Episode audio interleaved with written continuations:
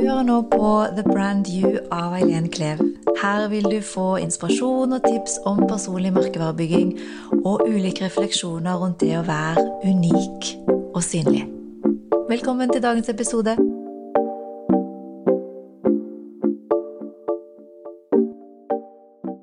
I dag har jeg gleden av å intervjue Stein Harald Røyne. Han kalles også Mr. Modig. Og han er internasjonal foredragsholder, lederutvikler og forfatter av boken 'Modig finn ditt hverdagsmot'. Hva har reisen din vært der du er nå? Du er jo foredragsholder, og du er lederutvikler og forfatter, men det har du ikke alltid vært, tenker jeg? Nei, det er helt sikkert. Nei. Jeg Altså, utdanningsmessig så er jeg siviløkonom. Ja. Men ikke, ikke, økonom i den forstand som du, automatisk vil tenke. Da tror du at jeg holder på med tall. Mm. Men jeg drev med salg og markedsføring. Det var det som var, var mitt fagområde. Så faktisk Det morsomme er at det første jeg kjøpte etter at jeg var ferdig med studiene i Edinburgh, når jeg kom tilbake til Norge, det var en bok som het 'Økonomi for ikke-økonomer'. etter siviløkonomstudiet. Ja, ja, det var. og, så, og så begynte jeg å jobbe i et, et shippingfirma. Jeg hadde lyst til å jobbe internasjonalt, så jobbet i et shippingfirma. Og jobbet vel der ca. i ca. to år. Med salg og markedsføring? Eller med, ja, med salg og markedsføring. Ja.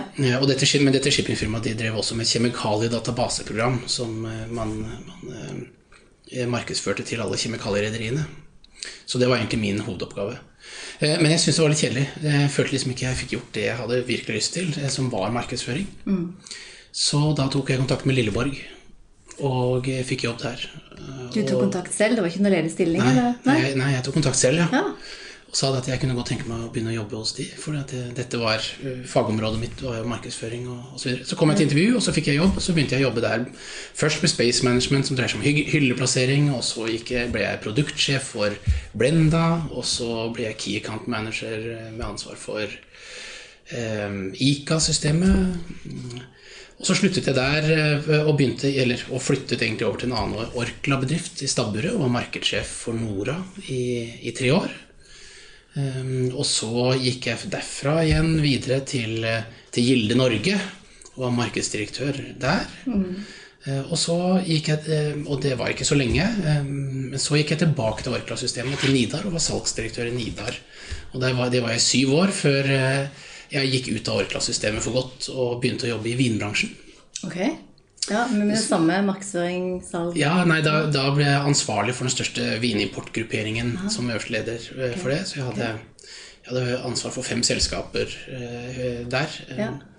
Uh, som, og vår gruppering var den største vinimportgrupperingen i Norge. Mm. Um, og der jobbet jeg jobbet jeg vel et par år eh, før jeg måtte gå, ufrivillig. Du sier ufrivillig. Hva skjedde? Hva... Dessverre så er det ikke så veldig dramatisk. det hadde vært morsommere å si at jeg fikk sparken. For jeg pleier å si, jeg, når jeg holder foredrag, så pleier jeg å si at jeg fikk sparken. Men, ja. men det ble en omorganisering, så jeg hadde fem administrerende direktører som rapporterte til meg. Eller fire på det tidspunktet. Mm. Og, og, det de gjorde, vi fjernet mitt nivå i alle land. Så jeg var landsansvarlig for Norge. Mm. Så det vil si at de administrerende direktørene som rapporterte meg, de skulle rapportere direkte til konsernet i Finland. Mm. Så, de, så, min stilling forsvant tilsvarende i Sverige, i Danmark, i de andre landene, som i mm. Baltikum. Og hvilken mulighet kom da? Nei, og, da, og, det var da jeg måtte bestemme meg hva ønsker jeg å gjøre. Mm. Ja. Eh, og jeg jeg vurderte veldig mye på hva jeg skulle gjøre. Eh, jeg hadde veldig lyst til å starte for meg selv, og hadde lyst til det i en god stund. Jeg var på et foredrag med Eller et event over fire dager i London med Tony Robins. Mm. Um, og, eh, og, det ga meg veldig inspirasjon til, til å virkelig gjøre egentlig som han gjorde. Stå på scenen og holde foredrag. Så, yeah.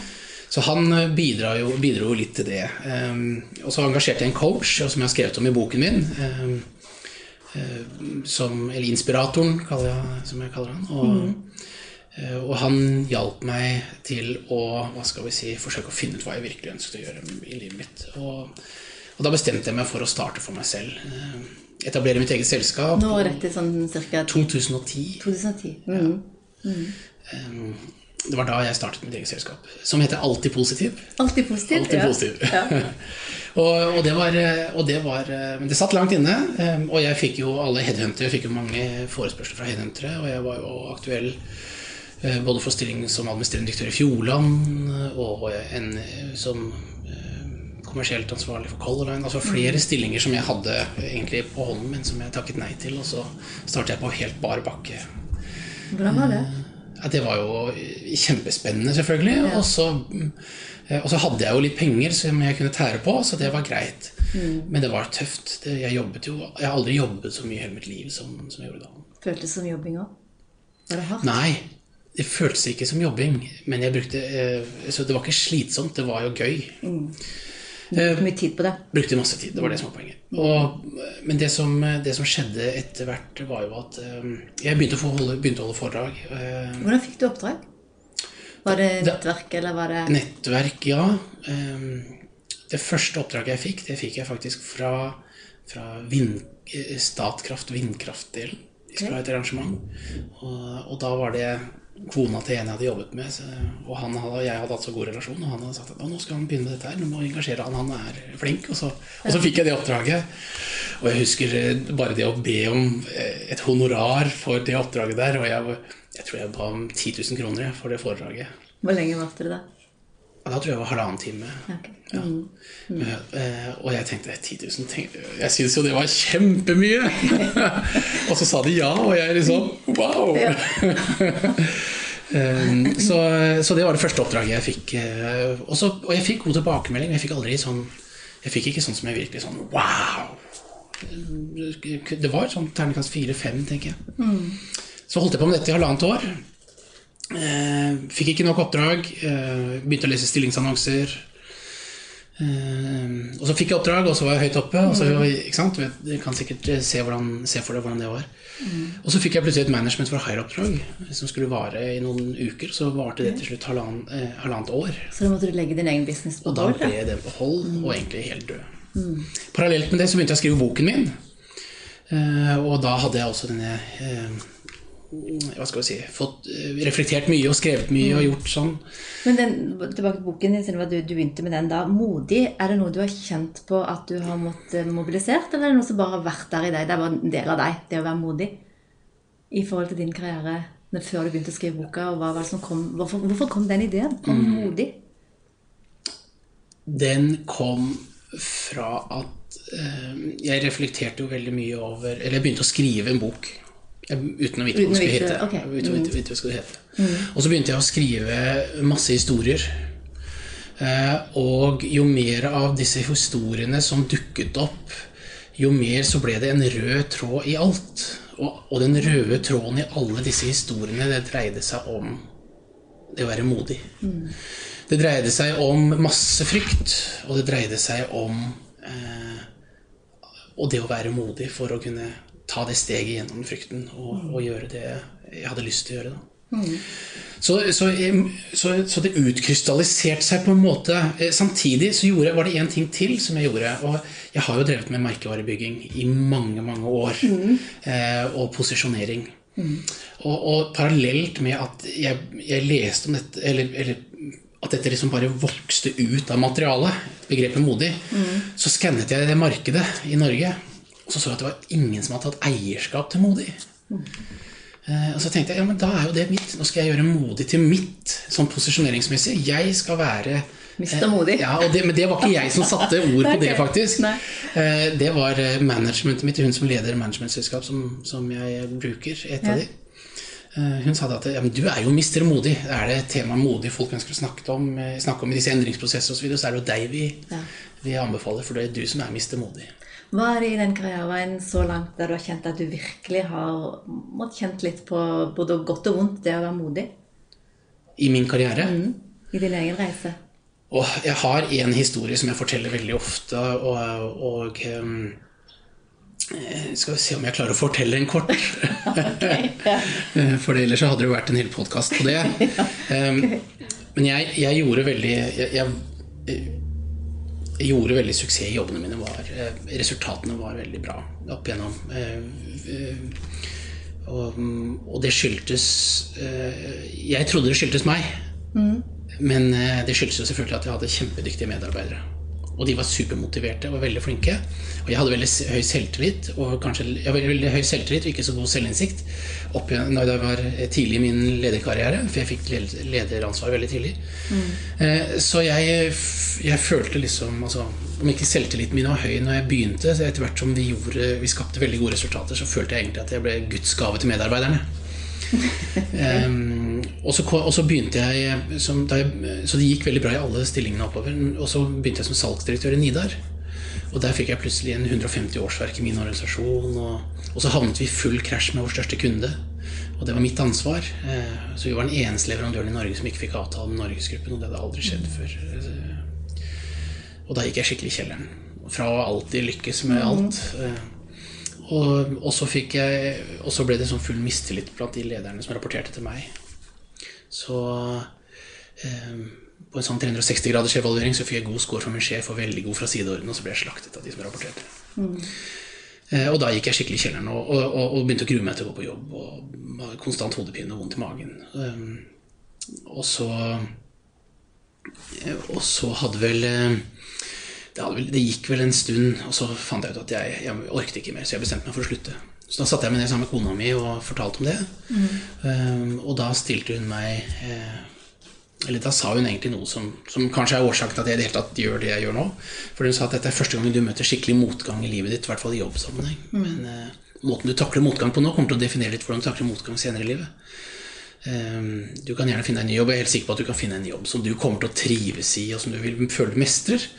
Mm. Og hun ville støtte meg i det, selvfølgelig, men, men hun, hun, sa også at du kan være modig og se om du klarer å løse det problemet du har i Nidar. Eh, og da skjønte jeg at jeg hadde syntes så synd på meg selv at jeg ikke hadde klart å løfte hodet og fått perspektiv på livssituasjonen. Men så engasjerte jeg en coach da, og, eh, og, og han tok meg Etter litt, en litt sånn prosess mellom oss to, så inviterte vi to dagers samling med mine medarbeidere. Og så satt vi samlet der i en sirkel, og så og så sa jeg til dem uh, unnskyld for at jeg har vært en dårlig leder. Vil de gi meg en ny sjanse? Og det sa de ja til. De hadde kanskje ikke så mange valg, men de, men de var veldig Men det er modig å, å uh, si det ja. og spørre om det. Ja, det, ja det, jeg følte hele den seansen her det, Jeg har aldri vært, eller nesten aldri vært så redd som jeg var da. Mm.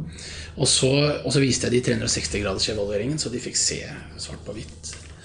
Og så spurte jeg dem i tur og orden om de kunne fortelle meg hva som var mine sterke sider. Uh, og det var ikke så mange hva som mine svake sider. Eh, og den lista ble lang. Okay. Mm. Og det var kjempetøft. Det var vondt. Mm. Altså, det var, eh, en ting er å få tilbakemelding én til én fra de nærmeste årene, men en annen ting er vitner. Ja, så, så, det er kanskje en av de tingene som jeg syns var aller tøffest. Mm. Hvordan klarte du å stå i det? Eh, egentlig når de hadde tatt den runden altså Jeg følte det av han coachen der var jo veldig trygt. Så han, ja. han sa det at dere må ville hverandre vel. Mm hvis utgangspunktet er at vi ikke vil det. Og så, eh, men det, det, var kjempetøft. Altså det, var, det, var, virkelig tøft. Men jeg bet jo tenna sammen i den situasjonen. Og jeg kunne jo ikke forsvare meg. Så øh, Men han coachen sa også at etterpå at nå har Svein Harald vært veldig modig. Tør du sa han til de andre, og sette deg i samme stolen og få tilbakemelding fra de andre. Så de andre fikk tilsvarende tilbakemelding fra kollektivet. Mm. Og det var kjempetøft for dem òg. Mm. For det er jo sånn at vi ser jo ikke alle sidene. Du kjenner Joharis vindu. At, vi, at uh, det er noen sider vi ser, og andre ikke ser. Noen som vi begge ser, og noen som ingen av oss ser. Mm. Um, nei, og etterpå så gjorde vi det kjempebra. Vi ble et kjempebra team. Vi kom tilbake i Norgesgruppen. Nidar gjorde fantastiske årene som kom etterpå. Så det var en kjempesuksess. Så vi mm. gjorde det veldig bra. Så bra. ja. Og den boka, når du skrev den, merket du noe før og etter i forhold til din egen business? At det var en sånn døråpner for deg, eller merket du at det, var, det hadde ikke hatt noe å si egentlig for din suksess i dag? Eh, jo, jeg er helt sikker på at den har hatt en veldig stor positiv effekt i forhold til å gi meg kredibilitet. Mm. Mm. Substans. De som leser den, eh, gir veldig sterke tilbakemeldinger på at de liker den. Den, mm.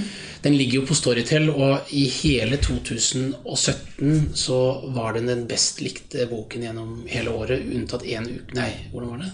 Én uke. At, Um, hvor den ikke var den best likte. Og, og den er fjerde mest le, eh, leste slash lyttede boken på Storytel innenfor personlig utvikling ever. Så, så den, har jo, den, har jo, truffet en nerve hos folk, og det har, det har nok gitt mye mer enn jeg kan Jeg kan, ikke si det, at det er en rett linje fra boken Nei, nei, til nei. Det eh, business. Det er vanskelig å vise det. Men, eh, men veldig mange, eh, når jeg snakker med de og sånn Men senest nå så holdt jeg et foredrag for, for Nordland, nei, Finnmarkssykehuset. Ledelsen der oppe. Og hun som tok initiativ til at jeg kom, hun hadde lest boken og hadde gått til sin leder og sagt han vil vi ha. Så. Ja. Så det er faktisk et konkret eksempel. Ja. Eh, Nå har du mye kjennskap til merkevarebygging, men på andre måter kanskje en personlig merkevare. Men har du vært bevisst på det på din egen vei i forhold til å bygge din egen personlige merkevare?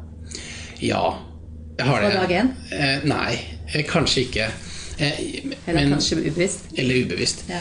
Eh, Men jeg er jo det, altså merkevarebedrifter Jeg husker jo vi, eh, når du jobber med merkevare på bedrifter gjennomfor den Orkla-skolen, så er det jo at du skal prøve å gjøre bedriften om til en person. Sant? Ja. Så det er jo veldig kort vei mellom mennesker og sånn. Men ja, jeg har, vært, eh, jeg har tenkt litt på det. Og, og som du ser, jeg, jeg har jo Jeg vet ikke om du har lagt merke til og sett noen andre bilder og sånn, men jeg forsøker å ha en spesiell klesstil. Jeg har sett det. Ja, ja. har sett det. Hvordan vil du beskrive den selv? Fargerik, eh, stilig Jeg skal jo bli Norges best kledde mann, det er jo målet mitt. Å bli. Spennende. Ja. Jan Thomas skal Ja, ja. si det en dag, at eh, Svein Harald er Norges best kledde mann. Men, eh, men, men jeg, jeg husker eh, Det er jo en av disse eh, Er det Bern, Bernhard? Husker du Bernhard musiker? Eh, Han ble, var jo Er det ikke han heter? Han Jo. unge? Nei, Bernhard Bernhoft Bernhoft, Bernhoft, ja. Bernhoft tenker jeg. Ja. Han, hadde en, eh, han hadde en reposisjonering av seg da han kom med, da han virkelig slo an. Og han var jo rocker med svære briller og krøllete hår, og så plutselig så fikk han hanekam, holdt jeg nesten på å si, ikke det, men eh, og, gikk, og, og fikk kledd seg opp i en veldig dust brunt, kjempekult, alt sammen. Eh, Og så fikk han en kjempekul stil. Og det inspirerte meg litt. Eh, Jeg tenkte at ok, nå skal du ut der og bygge merkevare, så må du skille deg ut. eh, Og da må du gjøre det helhetlig. Så, så plutselig så, så tok jeg på slips igjen da, også med, med vest og jakke og hele greia, så for å bygge den visuelle merkevaren. Mm. barberte hodet. Før så hadde jeg litt hår. Eh, sånn, jeg har, og det burde jeg jo aldri hatt, selvfølgelig, for at jeg har sånn krans rundt hodet. og så gammel ut. Og så det jeg plutselig da barberer hodet og få da noen briller som gjorde at, eh, at imaget står ut. Er det noe du fikk hjelp til, eller er det bare Nei, dette jo, jeg har gjort det selv. Ja. Ja. Men jeg bruker Pinterest og, og, Ja, for inspirasjon. Masse Ja. inspirasjon. Mm. Så, så visuell eh, posisjonering er viktig. Og det andre var jo, som jeg sa i stad, dette med å finne ut hva er det jeg skal stå for. Så jeg har jo to, egentlig to ting. Det er eh, Alltid positiv, som er firmanavnet mitt. Eh, og så er det modig. Eh, og strengt tatt så burde jeg bare hatt ett, for ikke forskrevet seg. Så mm, Hva er det viktigste, tenker du? det er jo modig som er eh, det, det modige ei, vil eie. Ja. Mm. Ja, det er det. ja. Alltid positiv. Eh, Jeg husker jeg fikk masse eh, nå, I og med at jeg har vært i næringslivet og har mange kamerater fra næringslivet og, som har kommet, eh, og venner som, som har kommet til, til topps der, mm. var jeg mange sa at du kan ikke kalle firmaet ditt alltid positiv. Du vil aldri bli tatt seriøst i høyere kretser. Men det har du blitt. Naiv positivisme. Nei, men jeg har jo møtt den. Jeg har møtt den mange ganger. Altså, at, eh, at, eh, nei, jeg har ikke tro på sånn der naiv positivisme. Og, jeg, og det ergrer meg litt at jeg må forsvare navnet alltid positiv. Jeg jo ikke, det er jo ikke en sånn naiv positivisme at bare tenk positivt, så går det bra. Det er jo noe med at eh, Måten du nærmer deg problemstillinger på. Eh, og at du kommer gjennom problemene. Men du må, du må jobbe, med det, jobbe med dem. Du kan bare ikke legge deg ned og Se mulighetene istedenfor begrensningene. for ja.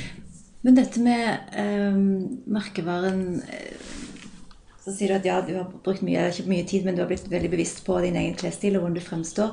Er det noe som de tidligere som de tidligere jobber og tidligere kolleger vil kjenne seg igjen i? Hadde du litt av det der òg? Eller noe du har på en måte blitt tydelig på og ikke hadde så mye av før? I forhold til klesstil, f.eks. Var du kjent for å ha litt sånn eh, Nei, nei. Nei. nei, nei. nei. Og du skal se noen bilder av meg eh, fra jeg var 30 år. Altså, jeg ser mye yngre ut nå enn jeg gjorde da. Ja. Nei, nei, så jeg, nei, så jeg har en helt annen klesstil enn det jeg hadde før. Da var jeg da, da, da kunne du Da, ble jeg rett inn i, eh, en av, inn i forsamlingen. Ja. Sort, mørk dress med skjorte og Hva med positiv? Er det, er det noen rød tråd i det som det, går igjen? det går igjen. Det går igjen, Ja. Da jeg sa at firmanavnet mitt var alltid positivt, så sa alle ja, men det er deg. Ja. Ja. Så det, det er deg. ja. Så det har vært deg hele tiden, men nå er det mye mer uttrykk i klærne også, og stilen. Ja, ja, så du får enda mer eh, Det er riktig. Ja, det er, og det er for så vidt eh, korrekt at jeg har, kanskje har tatt den positiviteten som jeg selv uttrykker, også uttrykkes gjennom klærne. mine. Ja. Og det var kanskje ikke rom for tidligere, eller var ikke bevissthet rundt det tidligere. Det var verken rom eller bevissthet for, rundt det for min del. Det var ikke det. For da drev jeg ikke med den personlige merkevarebyggingen som jeg er nødt til å gjøre når du jobber for deg selv. Ja. Litt annerledes. Nå er det jo mange som har jobbet med seg selv, som opplever seg litt sånn fengsla i at de har begynt å bygge en fasade, som gjør at de blir liksom fengsla i forhold til hva de kan og ikke kan gjøre. Og, og hva tenker du i forhold til dette med å være autentisk, eh, eventuelt versus fasade versus hvor går skillingene? Hvordan, hvordan jobber du med det, eller hva tenker du om det? Jeg eh, tenker det Ja. Nå tenker jeg òg. det er bra. ja, For meg er det veldig enkelt. Hva? Få høre. Fordi at uh, I og med at jeg sier uh, Eller ønsker å eie modig, så, eie, uh, så er det å være modig er å være autentisk. Det er å tørre å vise hvem du er som menneske. Både eh, skryte når du er stolt av noe, til å vise det sårbare og vanskelige når det er, er vanskelig. Så jeg bruker jo og lever jo og, av å fortelle veldig sårbare ting om meg selv. Eh, både gjennom foredrag og i blogg og, og, og eh, gjennom denne på kabriolettur med Røyne som jeg kjører på Facebook eh, live. Eh, så jeg, så, så, så jeg mener at jeg er autentisk, og det er litt av å være modig. Og hva med det ordet perfekt? Er det noe du eh, prøver å bli? Eller noe du kjenner på at du er? Eller noe du egentlig ikke har noe forhold til? Eller hva, tenker du om ordet perfekt? Jeg har veldig sterkt forhold til ordet perfekt. Ja. Det, eksister, det er ingenting som er perfekt. Nei. Det er ikke mulig. Jeg pleier å spøke og si at det eneste som er perfekt, er et barn, eh, barn i en mors øyne. Men, men eh, Eller at alt er perfekt? Mm? Eller at alt er perfekt? Ja. Nei, men per perfekt, det Jeg tror nok eh, det er et ord som ødelegger veldig mye for veldig mange. Men, eh, men eh, i min verden så eksisterer ikke perfekt. Eh, Det er å strebe etter noe som ikke eksisterer. Mm. Så, så ja. Utover det så tenker jeg at jeg, jeg, jeg har coachet flere som har forsøkt å oppnå perfekte ting i livet sitt. Og, og de, når de, med en gang de har fått fjernet eh, det ordet 'perfekt', så får de et helt annet eh, og mye bedre liv. For, for det blir et, om ikke et fengsel eller eh, et eller annet som Ja, de strever på noe som ikke er mulig å oppnå, uansett hvordan du vil og vende på det. Ja. Det finnes ikke. Nei. Veldig godt. Men dette med å være synlig, der virker det som at du bare har det i deg. Det å være modig i forhold til det å være synlig. Har du alltid hatt det sånn? Det å by på deg selv, det å stå på scenen og fortelle, som du sier, vær sårbar. Fortelle om ting som ikke har fungert bra også, og i tillegg til ting som fungerer bra. Vær synlig på sosiale medier. Har det alltid vært lett? Jeg, jeg tror nok jeg er genetisk disponert for å ha lyst til å ha øynene på meg. Ja. Eh, på eller sosialt disponert. eh, eh, Så det har egentlig kommet lett for deg? Ja, jeg tror nok det har kommet lettere for meg enn det har gjort for mange andre. Ja, jeg, det, det er ikke noe ubehagelig at folk ser på meg. Eh, Men det å komme fra Noen opplever det at de- når de er ansatt et sted, så har de på en måte firmaet i ryggen, og de føler seg mer modige, om du vil, Ja, ja. når de står på scenen. Men det å stå helt alene i forhold til sitt eget selskap, og det er bare deg Mm. å stå på scenen For noen er mer si, Du må tente fra mer mot. Har det vært sånn for deg òg, eller har du liksom Det har ikke vært noe tema? nei, det har ikke vært tema. Nei. Nei, og det jeg, jeg, Når jeg holder foredrag, så bruker jeg aldri powerpoint. Nei.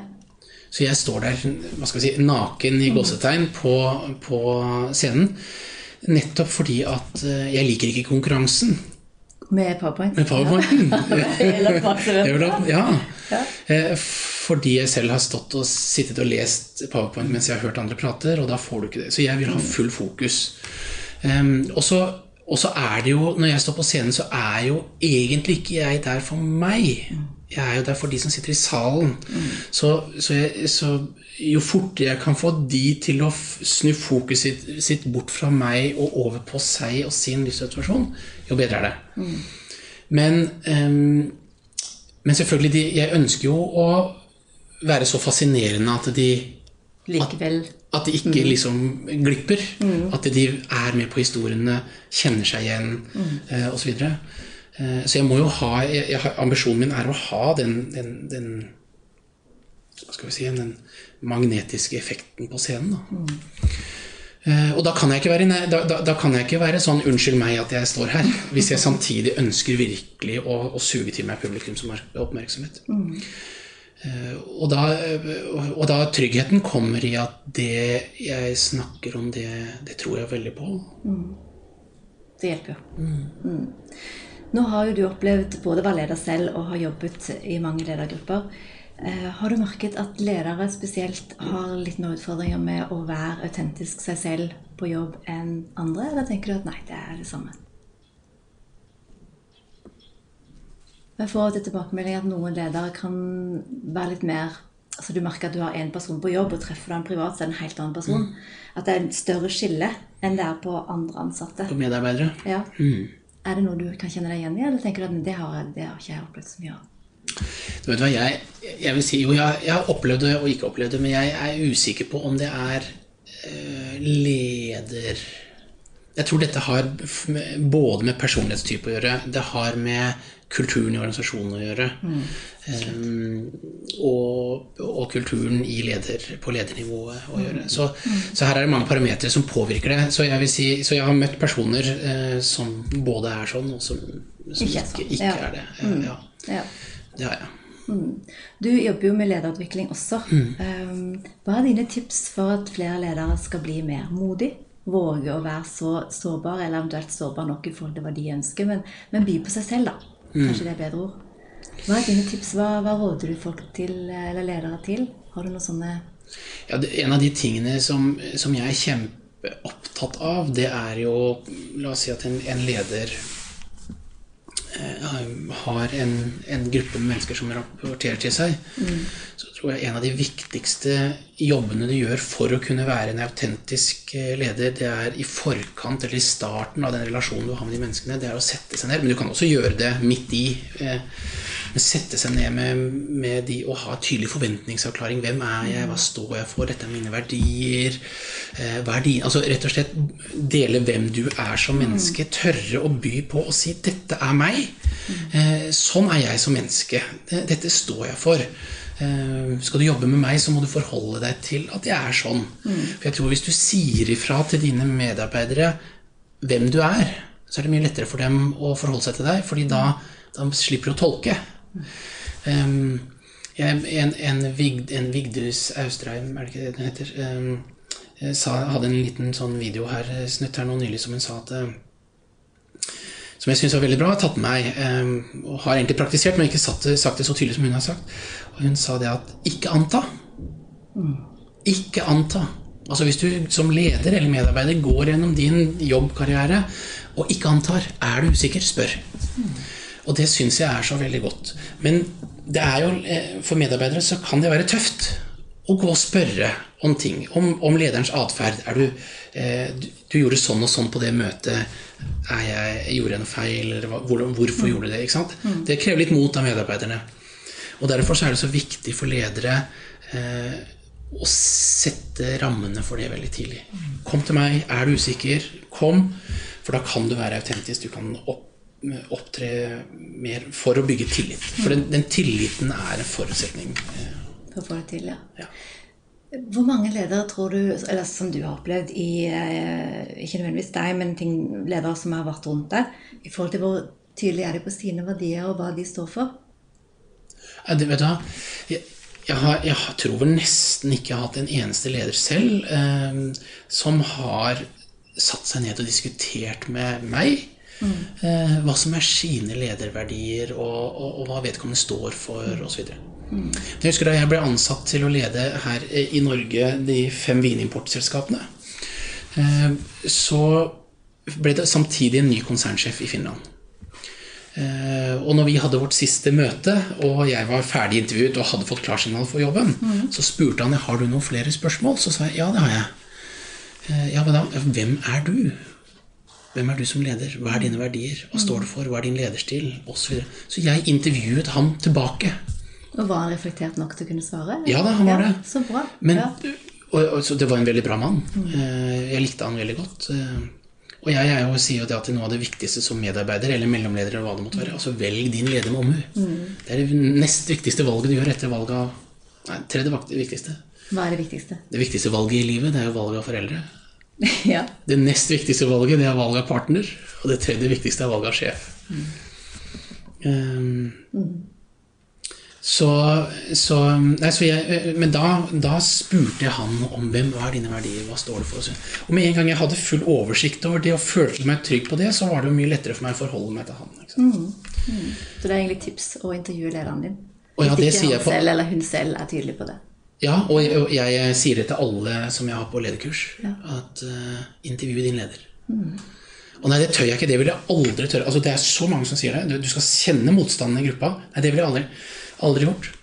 Altså, er, går du virkelig inn i en jobb og er så sugen på å få den jobben at du ikke tør å stille kritiske spørsmål, eller tør å stille de nærmeste overordnede de spørsmålene som du innerst inne brenner etter å vite. Og det er det mange som gjør. Så de, de, har de først fått jobben, så tar de ikke sjansen på å miste den ved å stille sånne spørsmål til sine potensielle sjefer. Har du opplevd at noen har gjort det og møtt motstand? Noen gang? Ikke av de som jeg har uh, jobbet med. Nei. Så den frykten er det egentlig ikke noe bevis for sånn umiddelbart? Det er ikke noe bevis for. Nei, så det er bare en frykt man har. Antagelse man har. Mm. Men det skal dog sies, jeg hadde en på kurs som sa at hadde mine medarbeidere kommet og stilt meg det spørsmålet, så hadde ikke det blitt positivt tatt imot. Så det har jeg opplevd. At han var ikke klar for det selv. Nei. Så da sier det noe om den lederen. Ja, ja. Om han. Da- han trengte å være på kurs. For å si det sånn. Veldig bra. Det virker som det med å være modig, det med å være synlig, altså de, alle de karakterene som er viktige når du skal være for å starte for deg selv, men også som leder, det har du jo. Men har du noen skjulte talenter som ikke har kommet fram, som du kanskje hadde mer av som barn? Som ikke har blitt så synlige i karrieren din i det siste? Det er jeg jammen usikker på. Jeg, tror jeg, jeg, jeg, bruker, jeg bruker alle potensi, hele potensialet meg så mye jeg kan. Ja, Ja. så deilig. Jeg forsøker det. Ja. Og da er det sikkert et veldig dumt spørsmål å spørre fra en skala fra 1 til 10. Hvor unik eh, opplever du, eller føler du at du selv er?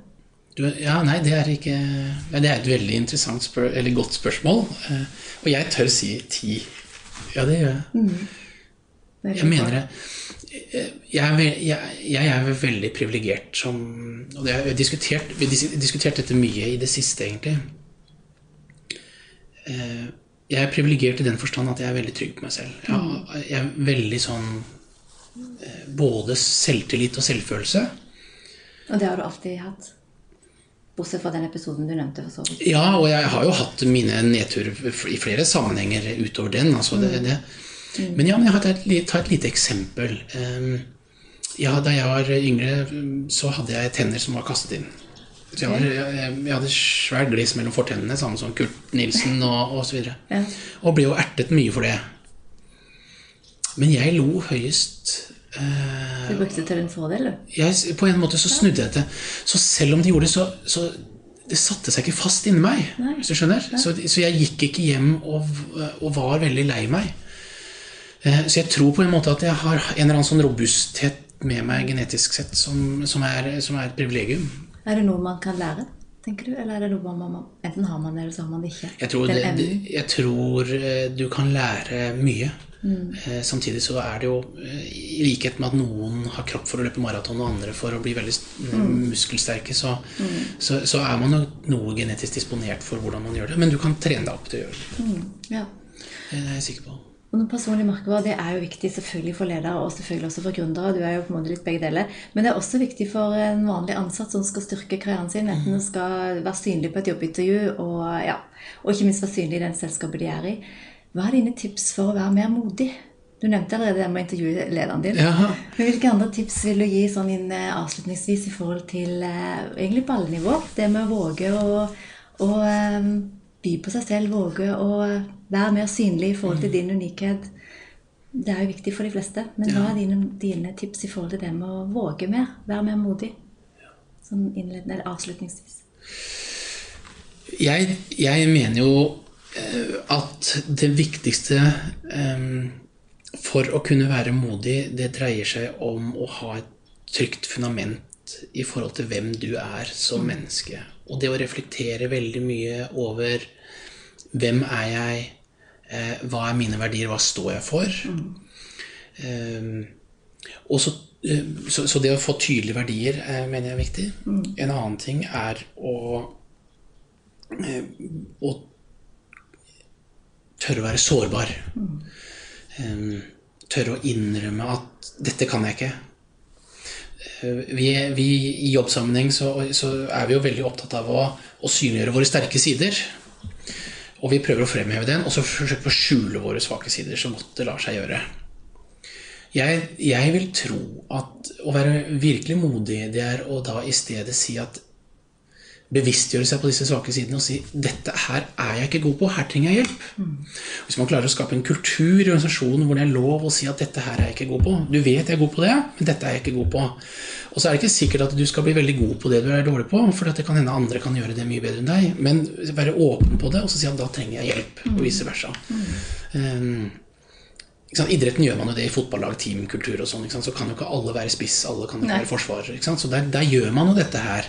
Um, og i, i, i, næringslivet så gjør man jo også det. Man har forskjellige stillinger. Mm. Men, men, men, der er det litt mer uh, blurry på mange områder. Vært i team osv. Så, videre. mm. så jeg, jeg, tror på det å tørre å vise sårbarhet er en, en viktig bit. Uh, for uh, hvis du skjuler hvem du er inni deg, eller skjuler dine sårbare sider, og, og noen klarer å finne, finne, ut hva det er, og stikker i det, så gjør det kjempevondt. Og det er veldig tøft. Mm.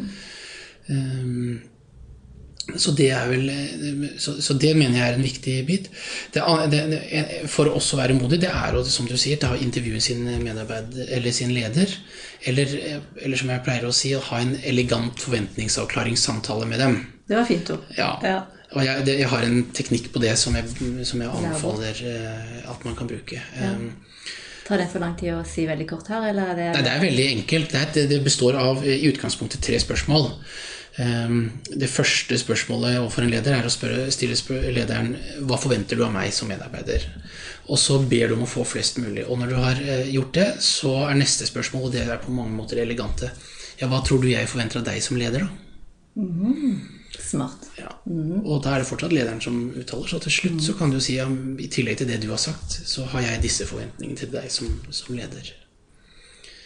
Um, så får du vise om litt mer av hvem du er òg? Da får du vise mm. mer hvem du er, og så får du lagt premissene for samarbeidet. Og så får du synliggjort hvilke krav du har til lederen. Og jeg tror jo at den, det å stille krav til sine overordnede, det er kjempeviktig. Mm.